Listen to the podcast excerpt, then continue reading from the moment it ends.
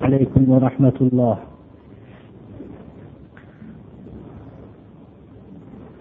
الحمد لله رب العالمين والصلاة والسلام على سيدنا وحبيبنا وعظيمنا محمد صلى الله عليه وسلم وعلى آله وأصحابه أجمعين. أما بعد muhtaram jamoatil muslimin hozir tepamizda turgan oy haj oylarining ikkinchisi zulqadaning yigirmanchi kunida juma kunida turibmiz. Mana shu kunlarda jahondagi hamma la ilaha illalloh muhammadu rasululloh deb ollohni yakkaligiga muhammad alayhissalomning barhaq olloh tarafidan jo'natilingan elchiligini tasdiqlagan iymon keltirgan kishilar ollohning bayti tarafiga yo'l olishmoqdalar. Bu oydan keyingi zulhijja ya'ni qurbon oyida ular alloh subhanahu va taoloning ko'rsatmasiga asosan ana shu yerdagi o'zlarining farz ibodatlarini o'tashadilar. Hamma olamdan iymonli kishilar to'p to'p bo'lib borishmoqdalar. Endi bu yerdagi turgan bu musulmon birodarlarimizga ham ana shunday to'p to'p bo'lib borishlikni alloh subhanahu va taolo bizlarga ham nasib qilsin. Ko'p yillar bo'lishiga qaramasdan bu yerdan hanuzgacha ozchilik borishmoqda. Ko'pchiliklarning yuraklari qachon bizlarga shu farz ibodati nasib bo'lar ekan degan tashnalikda qolishib kelyaptilarmi? Alloh subhanahu va taolo bizlarga va bizlarning avlodlarimizga va qiyomatgacha bo'lgan avlodlarimizga alloh subhanahu va taolo bemalol suratda shu islomning bitta farzi bo'lgan haj amalni qilishlikni ham alloh nasib qilsin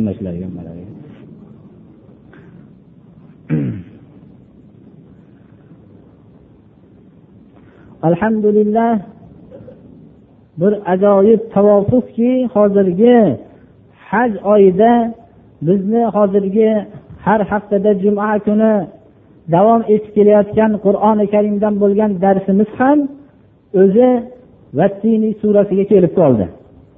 Bu surada qisman baytul harom janobi rasululloh sollallohu alayhi vasallamning tug'ilgan va ulg'aygan va payg'ambarlik nozil bo'lgan ana shu muborak shaharni ham zikri vattiniy surasida yodga olib o'tilinadi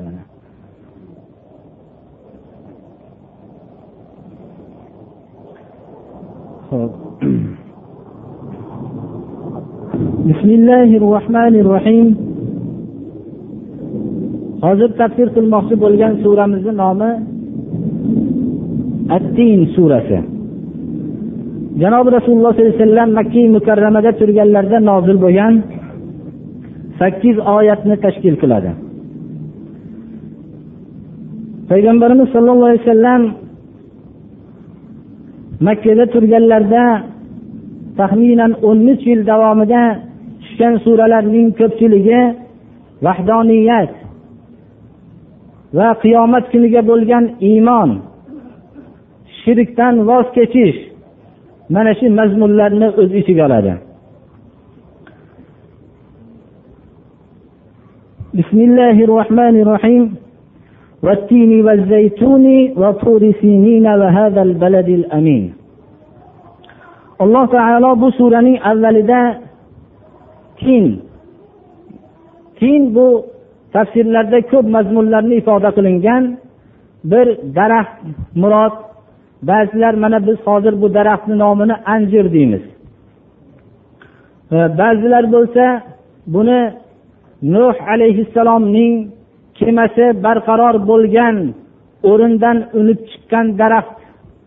Lekin bundan maqsad ana shu o'rinni iroda qilinyapti. Deyishadilar zaytun bo'lsa mana shu zaytun daraxti. Zayt yog'i ishlab chiqariladigan ana shu shundan olinadigan daraxtni nomini zaytun deydi. Alloh taolo mana shu ikkita tin va zaytun nomiga qasam ichishlikdan maqsad bu yerda bu umumiy xullas qilib olganimizda mana shu zikr qilingan kalimalardan murod. Mana shu daraxtlarning o'zi mas'ul shu daraxtlar unib chiqqan o'rin. Iymon va islomga aloqamand bo'lgan o'rinlar iroda qilingan deb tushunishlik ko'rsatilgan tafsirlardan xulosa bo'lgan mazmun eng yaxshirog'i shudir. Turisiyning muborak tog' muborak tog' muso alayhissalomga alloh subhanahu va taolo nido qilgan tog'ni iroda qilinyapti.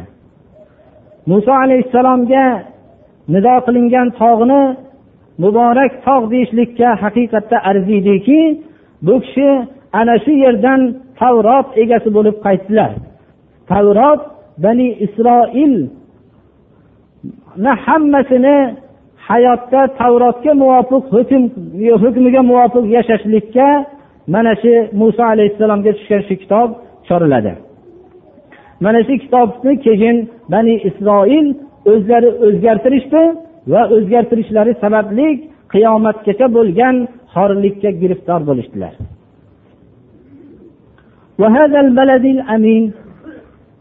Omonatlik shaharga alloh subhanahu va taolo qasam ichyaptiki omonatlik kishini oldida omonat qo'yilgan narsa qanday saqlanib qanday osoyishta tursa bu makka mukarramaga tashvish qo'rquvdan iltijo qilib kelgan kishilar ham omonatlik kishining qo'lida saqlangan narsaning osoyishta turganidek bu shaharga kirganlaridan keyin osoyishtalikka bular ulushdor bo'lishadilar.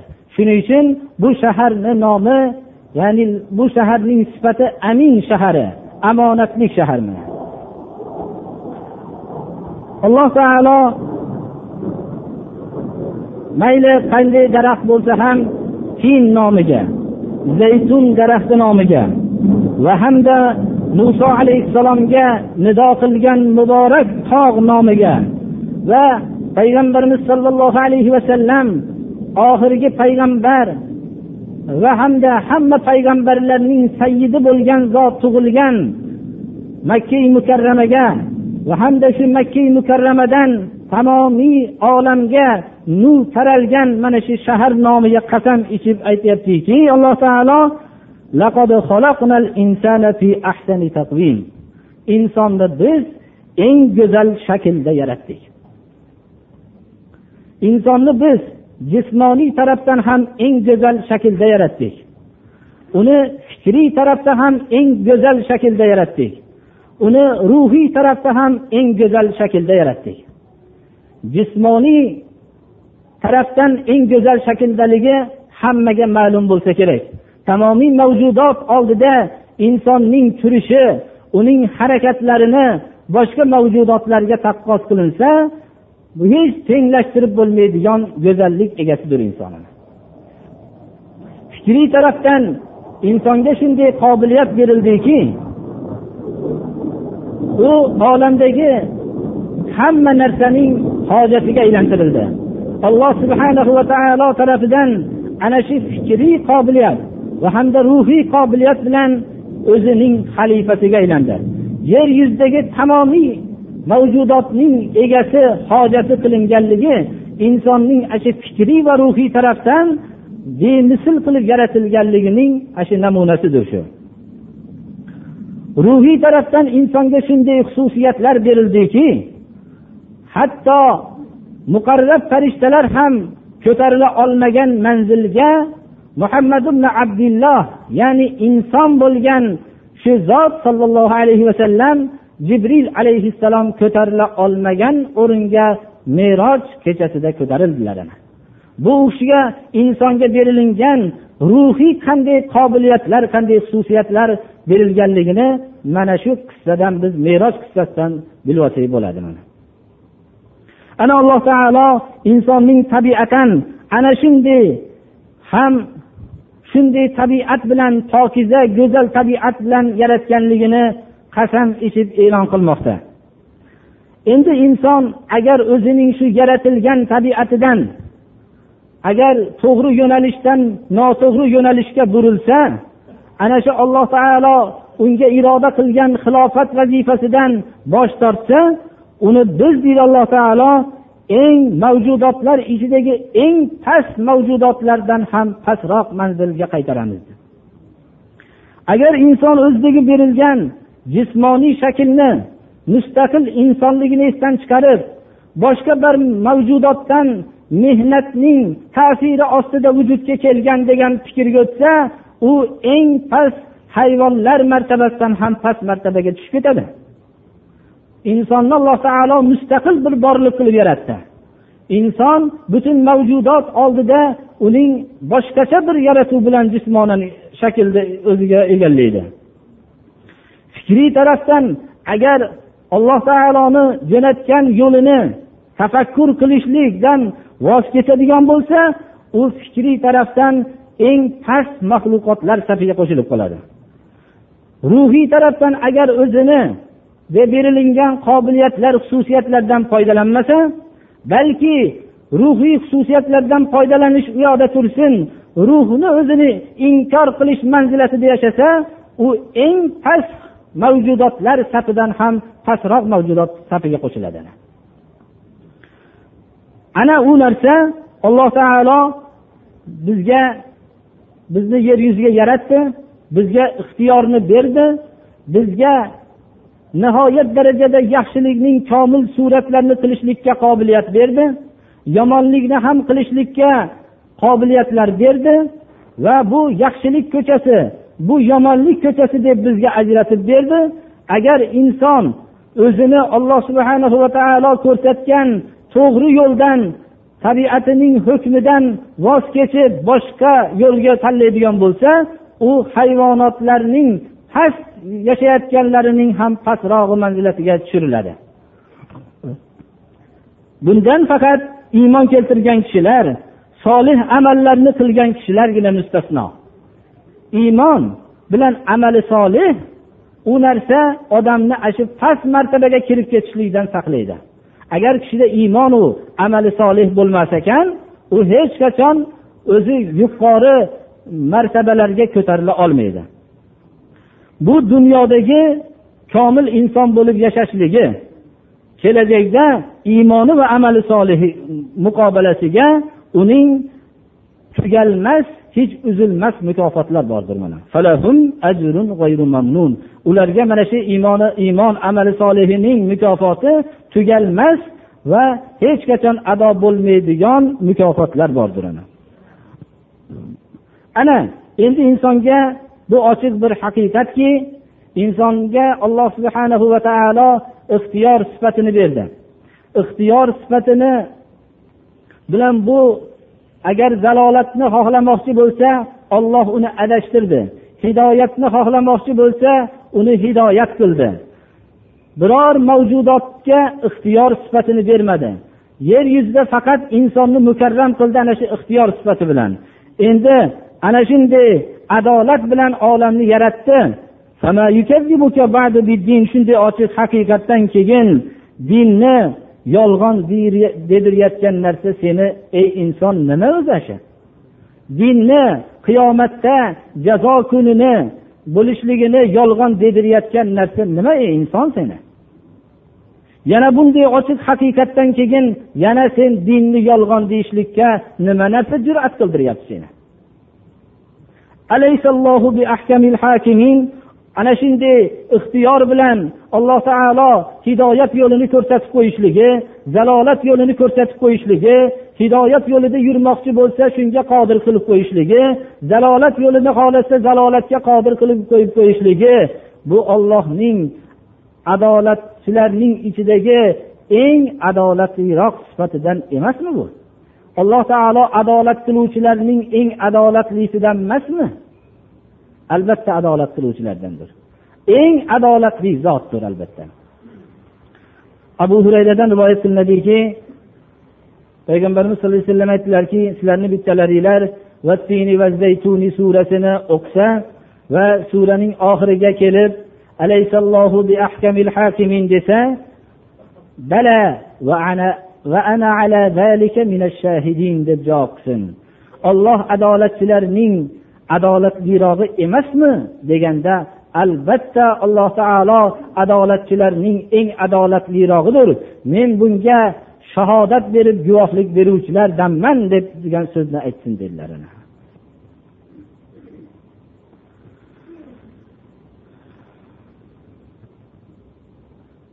بسم الله الرحمن الرحيم navbatdagi suraning nomi al inshiroh surasi. Payg'ambarimiz sollallohu alayhi vasallam makka mukarramada turganlarida nozil bo'lgan sakkiz oyatni tashkil qiladi. Inshiroh surasi duha surasi bilan bir biriga nihoyatda chambarchas bog'liqdir. Alloh qodir qilsa u surani ham tafsir qilamiz. Payg'ambarimiz sollallohu alayhi vasallam makka muhitida da'vat qilayotganlarida u kishiga odamlar uchun eng yaxshi faqat odamlarning foydasi uchun olib kelgan olloh tarafidan jo'natilingan ilohiy ta'limni yetkazganliklarining mukofoti tinimsiz u kishiga bo'xtonlar toshini yog'dirish u kishini har xil bo'xton nomlarini qo'yish xohlagan vaqtlarda u kishiga aziyat berish bu kishiga ergashganlarga aziyat berishlik mana shu mukofotlari shu edi ba'zi vaqtda u kishining qalblari inson bo'lganliklari sababli ana shundan ko'p alamlanardilar. Bu alamlar toqatdan tashqariga chiqib ketardi. Mana shu vaqtlarda alloh subhanahu va taologa bog'lanish olloh tarafidan vahiyni nozil bo'lishligi jibril alayhissalom bilan uchrashishlik va xoli vaqtlarda xudoga sig'inish u kishining go'yoki bu odamlar tarafidan inkor qilayotgan jaziramalardagi soyalari edi. U kishi odamlar tarafidan berilayotgan aziyat tashnaliklaridagi muzdek suvlar edi. bu kishi mana shu olloh tarafidan tushgan oyatlar u kishining qalblariga tasalli berib bu da'vatning kelajagi nihoyatda porloq ekanligini alloh taolo bildirardi mana shu sura ana shu payg'ambarimiz sollallohu alayhi vasallamga tasalli bo'lib nozil bo'lgan suralar jumlasidandir ألم نشرح لك صدرك ووضعنا عنك وزرك الذي أنقض ظهرك ورفعنا لك ذكرك ey muhammad alayhissalom sizni qalbingizni biz da'vatingizni kelajagiga aniq ko'radigan qilib ochib qo'ymadikmi da'vatingizni kelajagi qanday bo'lishligini sizni qalbingizni shunga ko'rsatib porloq qilib ochib ochib qo'ymadikmi sizni ustingizdan yelkangizni parchalash darajasiga boradigan og'ir yukni yengillatmadikmi? Payg'ambarimiz sollallohu alayhi vasallam ana shu makkada tanho da'vat qilayotganlarida o'zlarining da'vatlarini kelajagini nihoyatda yaxshi anglardilar. U kishi o'zlarining da'vatlarini qanday anglaganligiga suroqat ibn molik bilan payg'ambarimiz sollallohu alayhi vasallam va u kishining fidoiy do'stlari abu bakr roziyallohu anhuning hijratga ketayotgan vaqtlaridagi bo'lib o'tgan voqea buning yorqin misolidir. Payg'ambarimiz sollallohu alayhi vasallam makkadan ketishga alloh subhanahu va taoloning buyrug'i bilan majbur bo'ldilar. Makkadan madina tarafiga yo'l oldilar. Rafiqlari abu bakr roziyallohu anhu birga edilar. Makka mushriklari shunday butun olamga rahmat bo'lib jo'natilgan kishini o'ldirishlik uchun qasd qilishdilar. U kishiga shunday rahmat bo'lgan zotdan yuzta tuyani ortiq ko'rishib bu kishini o'ldirgan odamga yuzta tuyani va'da qilishdilar. Makka mushriklari o'zlarining quturgan itdek u payg'ambarimiz sallallohu alayhi vasallam va u kishining fidoyi rafiqlarini o'ldirishlik uchun tamomiy kuchlarni sarf qilib tamomiy tadbirlar bilan istashdilar bo'lib o'tgan voqealarni hammamiz tarixdan bilamiz lekin men mana shu joyini aytmoqchiman shu hozirgi vaziyatimizga kerak bo'lganligi uchun. Payg'ambarimiz sallallohu alayhi vasallam yo'lda hiro g'oridan chiqib shunday najot topib ketayotganlarida bir kishi ikkovlarini ketayotganligini ko'rdilar. Ko'rgandan keyin yugurib borib bir istab charchab o'tirgan makka mushriklarni oldiga keldilarda men hozir muhammad bilan uni rafiqini ketayotganligini ko'rdim dedi. Shu o'tirganlarning bittasi yuzta tuyaning boshqa odamga o'tib ketishligidan tashvishlanib u hozir tuyasini yo'qotib qo'yib chiqib ketgan odamlar deb uni yanglishtirdida o'zi borib ushlamoqchi bo'lib ozgina o'tirgan bo'lib orqasidan quvib bordi. Payg'ambarimiz sallallohu alayhi vasallam tilovat qilib borardilar. Orqalariga qaramasdilar. Abu bakr roziyallohu anhu tinimsiz atrofni kuzatib borardilar suroqa ismli odam edi. Suroqa yetib keldi. Yetib kelganda payg'ambarimiz sallallohu alayhi vasallamga yetishlik bilan otining tuyog'i yerga kirib ketdi. Shunda tuproq ko'tarilgandan keyin payg'ambarimiz burildilar. Yana tuproq ko'tarilgan ikkinchi marta yana harakat qildi. Va hokazo uchinchi marta harakatidan keyin suroqa aniq bildiki qandaydir madad bularni himoya qilib ketayotganligini.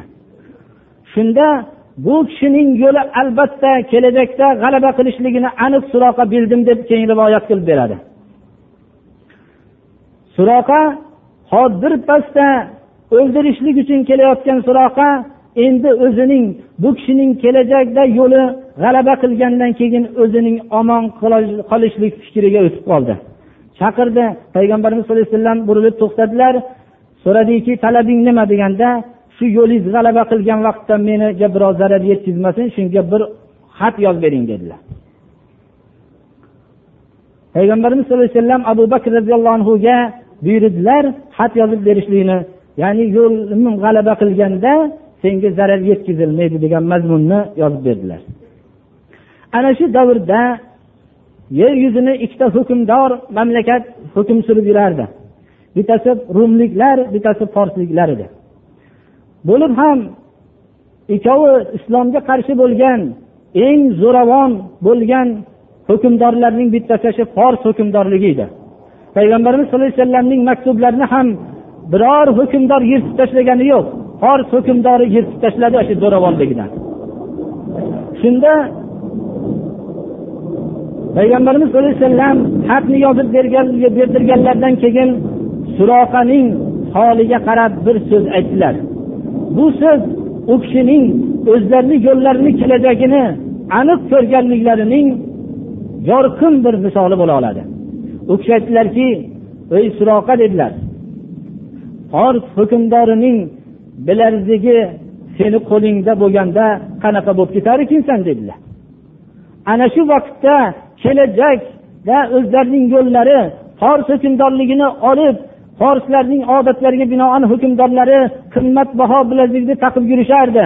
Ana shu bilazikning suroqa qo'lida bo'lishligini alloh subhana va taoloning vahiysi bilan bildilarki o'zlarini yo'llari qanaqa albatta g'alaba qilishligini shu darajada biluvdi. Alloh taolo u kishining qalbini shunday ravshan o'zida qalblarini ochib qo'ygan ediki albatta da'vatlarining samarasi yer yuzining hamma joyga borishligini ana shu vaqtda aytgan edilar. Payg'ambarimiz sallallohu alayhi vasallam vazifalarini o'tib olamdan o'tdilar. Abu bakr roziyallohu anhu kishining o'rinlariga xalifa bo'ldilar. U kishi ham vazifalarini bajarib dunyodan o'tdilar. Umar ibn hattob xilofat davrlarida fors hukmdorligi islom qo'liga o'tdi. Shunda g'animatlar orasida fors hukmdorining bilagigi turardi. Shunda payg'ambarimiz sollallohu alayhi vasallam surohani chaqirdilar. Suroha u vaqtda iymon keltirgan sahobalardan edi. Suroha dedilar mana bu bilazik seni haqqing dedilar. Payg'ambarimiz sallallohu alayhi vasallam senga madinaga hijrat qilayotganlarda va'da qilgan edilar deb qo'llariga taqib qo'ydilar.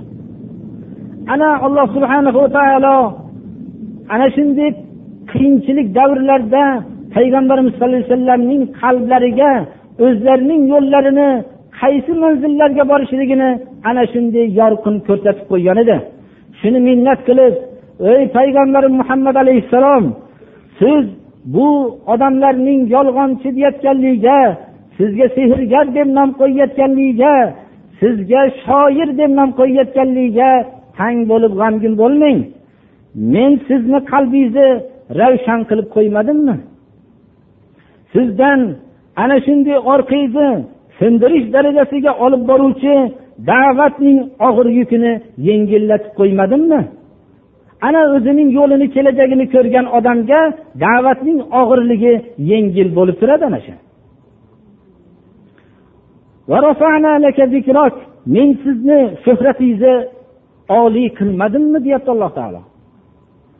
Insonda shuhrati nomi ko'tarilgan zotlar ko'p lekin payg'ambarimiz sollallohu alayhi vasallamga nasib bo'lgan shuhratning ko'tarilishligi hech kimga nasib bo'lgan emas. Bu kishining shuhratlarini ko'tarilishligi shu darajadaki uni xullas qilib aytsak yer yuzida millionlab lablar la ilaha illalloh muhammadu rasululloh deydi.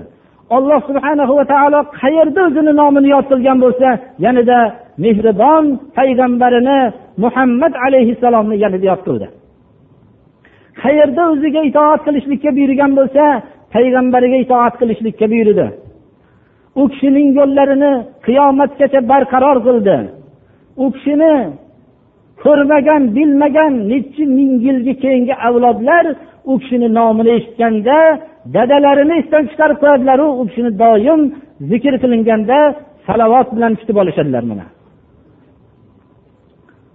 Bu kishini muhammad alayhissalomni butun olamdagi biror bilmagan millat yo'q. Insonning ana qiyinchilik davrida men sizni zikringizni bu abu jahllar hammasi abtar noqis deb aytishyapti. Lekin siz zikringizni men ko'tardim deyapti alloh taolo. Qani abu jahllar mabodo tilga olsak la'natlar bilan tilga olamiz ularni. Ana bu kishini nomi nishoni yo'qolib ketadi deganlar qani shular hammasi nom nishonsiz bo'lib ketdi.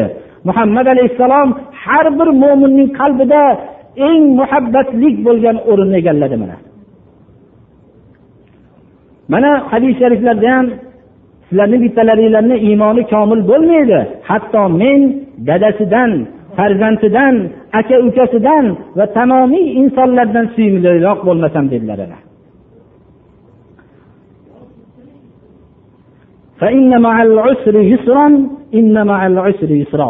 yana payg'ambarimiz sallallohu alayhi vasallamga xotirlarini jam qilib bu albatta qiyinchilik bilan osonlik bor ekanligini e'lon qilyapti. Va bu qiyinchilik bilan yana bir bor boshqa ikkita xursandchilik bor deb e'lon qilyapti alloh taolo.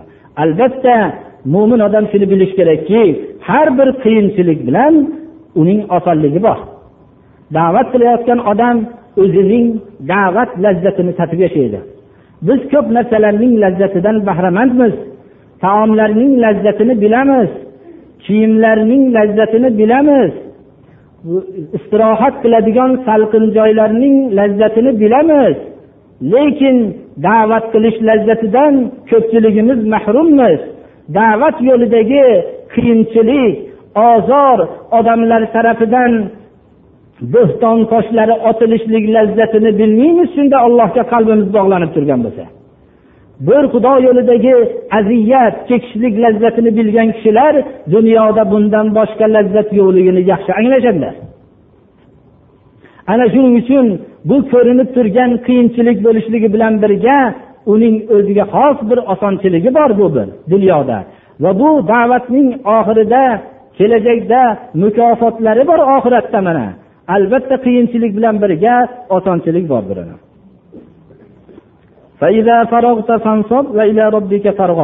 agar odamlar mashg'ulotidan odamlarni da'vat qilishlik vaqtlaridan forig' bol bo'lganingda o'zingizni ollohni ibodatida qiynab ollohni ibodatiga tik turing deyapti alloh taolo.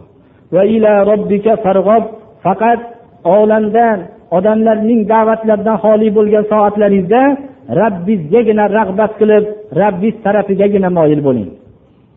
Chunki payg'ambarimiz sallallohu alayhi vasallamni avvalgi islomda u kishiga tahajjud farz qilindi.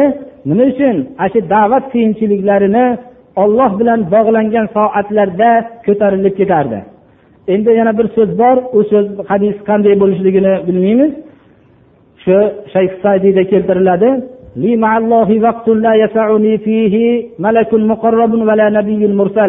Mening olloh bilan shunday soatim borki dedilar payg'ambarimiz sallallohu alayhi vasallam. Bu yerda muqarrab farishta menga ortiqchalik qilib qoladi. Payg'ambar bilan suhbatlashishlik ham menga ortiqchalik qiladigan mening xoli soatim bor olloh bilan dedilar ana har bir da'vatchi kishining o'zining olloh bilan xos bir soati bo'lishi kerakki ana shu yerda misli ko'rilmagan ozuqalarni oladi. Ana shu ozuqalar bilan odamlarning dashnomlariga chidamli bo'lib hayotini o'tkazadi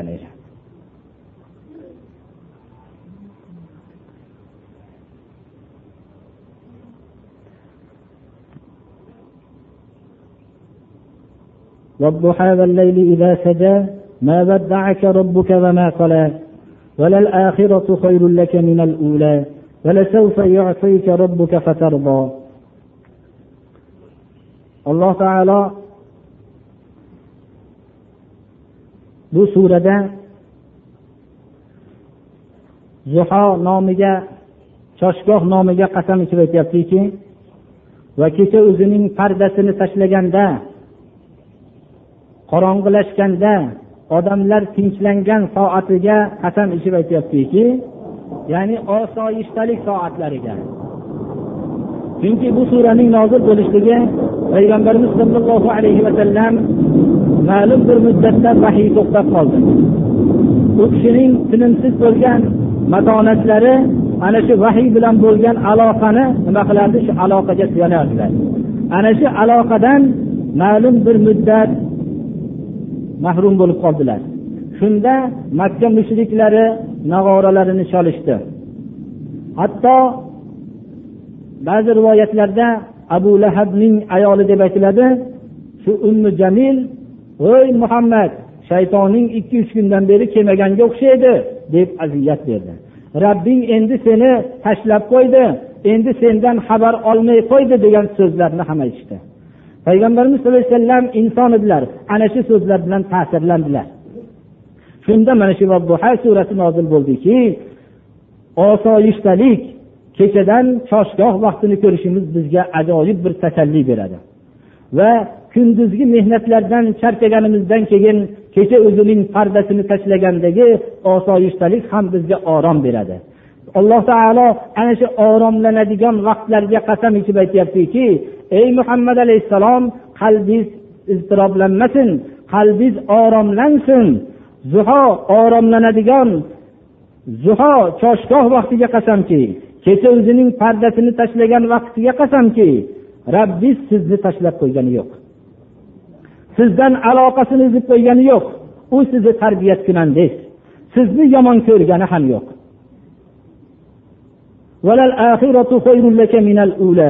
Oxirat sizga bu dunyoda sizni doim tarbiyat qilib boradi.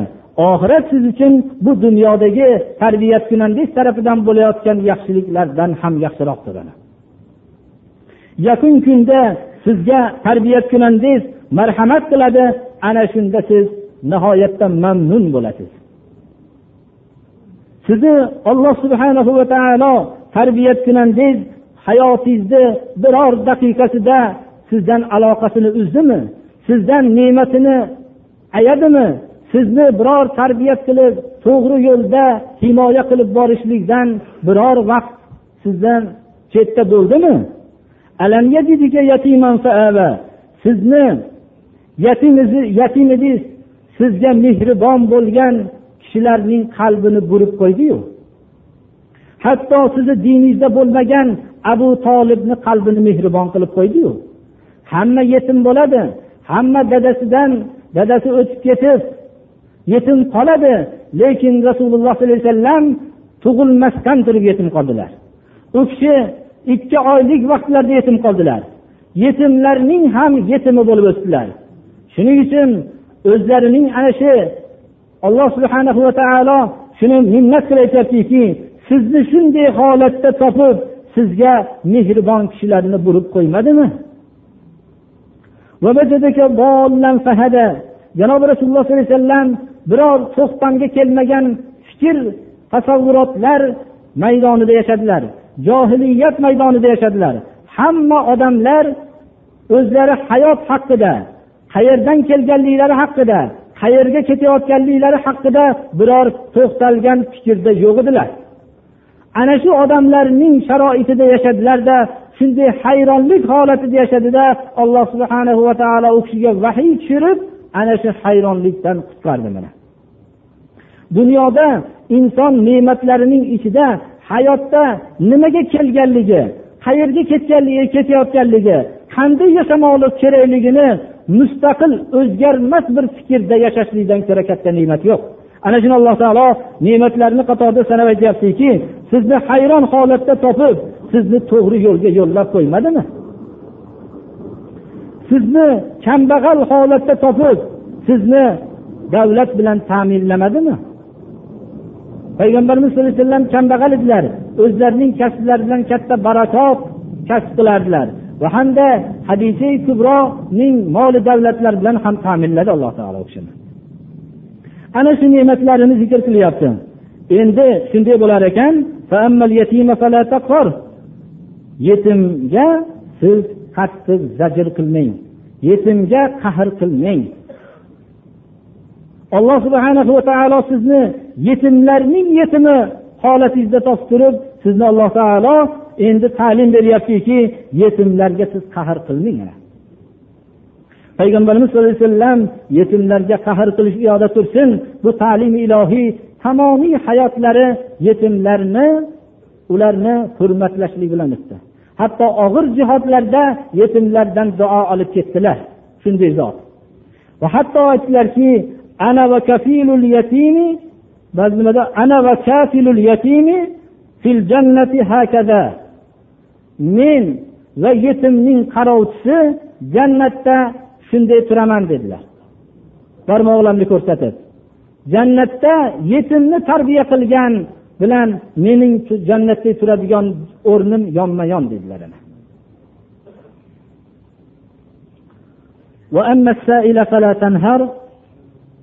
so'rovchi sizdan ehtiyojini so'rab kelgan kishini zajr qilmang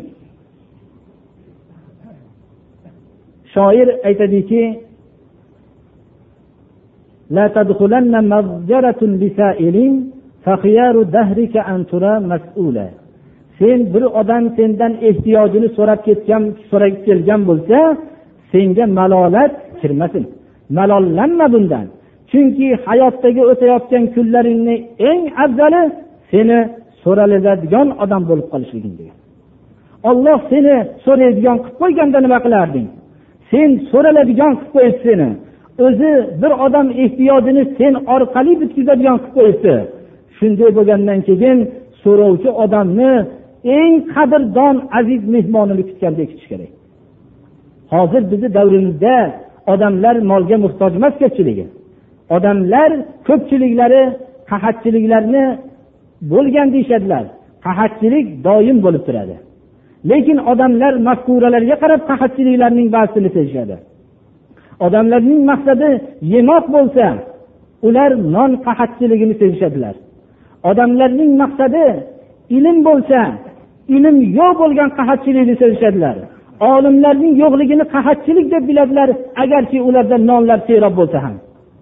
Shariat peshvolarining yo'q bo'lgan davrini shariat g'ami bo'lgan odamlar qahatchilik deb atashadilar uni. O'zlarining mafkuralariga qarab qahatchilikni ajratishadilar ana shuning uchun bizda hozir shariat ilmini bir odam so'rab kelgan bo'lsa malolat kirmasin sizga. Sizni mas'ul bo'ladigan davringiz eng shu kuningiz eng afzal kuningiz mana shu. Halollik qahatchiligi maqsad o'g'rilik boshqa nohaq poraxo'rlik bilan yashash bo'lsa u odam haqiqatning yo'qligini sezmaydi odam. U haqiqat qahatchiligini sezmasdan yashaydi. Shuning uchun har bir odam o'zining qahatchilik mazmuni ko'pu mafkurasiga qarab turib baho beradi. Biz mana bir vaqtlar qahatchilik bo'lgan deymiz. To'g'ri biz nonni yo'q bo'lib ketishligini yaxshi narsa demoqchi emasmiz. Non yemoq ichmoq insonning ehtiyoji bu. Lekin faqat non bilan ichmoq bo'lgan narsalargina insonni ehtiyoji emas bu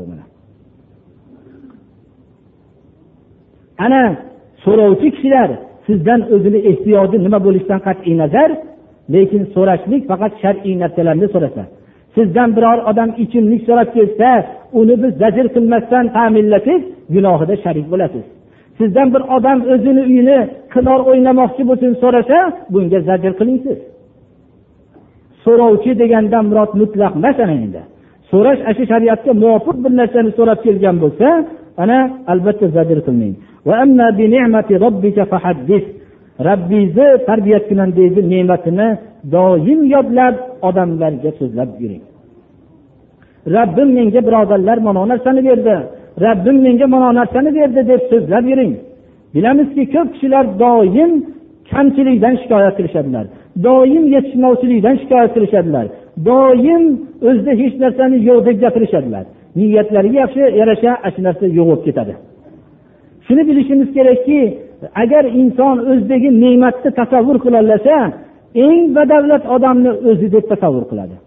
O'zining tandurustligi o'ziga masalan berilgan ne'matlar mana shulardan foydalanishlikni bilmaslik natijasida u noshukurlik qiladi. Shukur deb bilishlik doim mo'min odamning eng axloqlarining avvalda turadi ana payg'ambarimiz sallallohu alayhi vasallam doim hamma narsani nisbatini robbilariga nisbatlab o'tdilar mana. Odoblarini ham shunday dedilar. Hatto odoblarini ham aytdilar. Bu mendagi xulqqa ajablanmanglar rabbim meni odoblantirgan shuning uchun odobim yaxshi bo'lgan dedilar. Hamma narsani robbilariga nisbatlab shunday o'tdilar biror narsani o'zlariga nisbatlamadilar hayotlarida hatto makka mukarramaga kirib kelganlarida ham ana shu g'alabani ham o'zlariga nisbatlamadilar mana shunday. Va shu narsa ta'limi ilohiy u kishining qalbiga chuqur singib ketganligini belgisidir shu da'vatni haqiqiylari so'zlanadigan bo'lsa mana shu jomini duo qilinglarki alloh taolo qiyomatgacha haq so'zlar aytiladigan jomi qilsin agar kim bu yerda haq so'zni burmoqchi bo'lib yo haq so'zni ollohi rasulini so'ziga xilof so'zlarni aytmoqchi bo'lsa bu yerdan alloh taolo bu yerda turishni unga nasib qilmasin.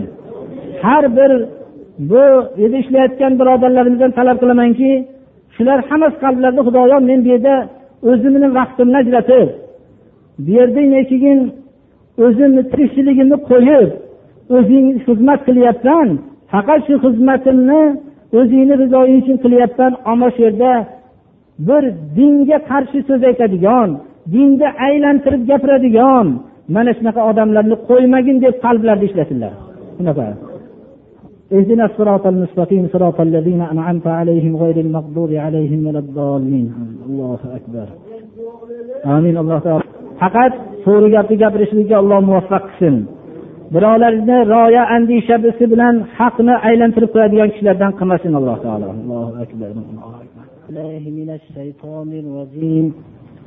بسم الله الرحمن الرحيم. وإذ قال إبراهيم رب اجعل هذا البلد آمنا واجنبني وبني أن نعبد الأصنام. رب إنهن أضللن كثيرا من الناس. فمن تبعني فإنه مني. ومن عصاني فإنك غفور رحيم. ربنا إني أسكنت من ذريتي بواد غير ذي زرع عند بيتك المحرم. ربنا ليقيموا الصلاة فاجعل أفئدة من الناس تهوي إليهم وارزقهم من الثمرات لعلهم يشكرون. ربنا إنك تعلم ما نخفي وما نعلن وما يخفى على الله من شيء في الأرض ولا في السماء. الحمد لله الذي وهب لي على الكبر إسماعيل وإسحاق. إن ربي لسميع الدعاء. رب اجعلني مقيم الصلاة ومن ذريتي. ربنا وتقبل دعاء. ربنا اغفر لي ولوالدي وللمؤمنين يوم يقوم الحساب mo'min birodarlar olamning hamma jahon olamning hamma burchaklaridan iymonli kishilar haj tomon yo'l olmoqdalar ular hammasi o'zlarining farz vazifalarini bajarishlik uchun ishtiyoq bilan yo'l olishmoqdalar. Bu ziyorat qilinmoqchi bo'lgan baytullohni ibrohim alayhissalom qurgan. O'g'illari ismoil alayhissalom u kishini yordamida bo'lganlar. Alloh taoloning ulug' payg'ambari ibrohim alayhissalom ana shu baytulloh haqida duo qilib mana shu so'zlarni aytdilar. Xudoyo bu shaharni xotirjam shahar qilgin. Bu yerni osoyishta shahar qilgin. Meni va zurriyotimning hammasini butlarga ibodat qilishlikdan o'zing uzoq qilgin dedilar. O'zing mehribon zotsan. Menga qaysi bir avlodlarimdan qaysilari itoat qilsa bular mening millatimdandir. Menga itoat qilmaganlarni yomon duo qilmadilar. Xudoyo ularning gunohlarini kechirgin mehribon zotsan dedilar. Avlodlaridan ismoil alayhissalomni hojar onamiz bilan birga qo'yib ketayotib xudoyo men o'zimni zurriyotimni bir hech qanday nabotot bo'lmagan vodiyga qo'yib ketyapman dedilar. O'zingni baytul haromingni oldiga qo'yib ketyapman xudoyo bularni qo'yib ketishligimdan maqsad o'zingga bo'lgan ibodat namozni barpo qilishliklari uchun deyapti. Odamlar qiyin sahrolarga borishadilar faqat tirikchilik maqsadlari bo'lsa u yerga borishadilar. Din uchun borishmaydilar u yerlarga. Ana ibrohim alayhissalom o'zining ana shunday mehribon qarilik vaqtida nasib bo'lgan farzandlarini dinni rivoji uchun ana shu yerga qo'yib ketdilar. Xudoyo namozni barpo qilishliklari uchun qo'yib ketyapman dedilar. O'zing mana shu joyga odamlarning qalbini ishqiboz qiladigan qilib qo'ygin dedilar.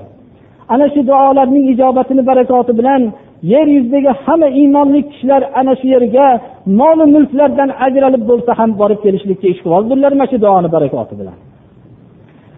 U yerga sahroda duo qildilarki xudoyo mevalar bilan bu yerda mamnun qilgin dedilar. Mevalar bilan mamnun qilishlik yeyish ichishlari uchun deyotganlari yo'q. Albatta yemoq ichmoq mevalarda yaxshi narsa.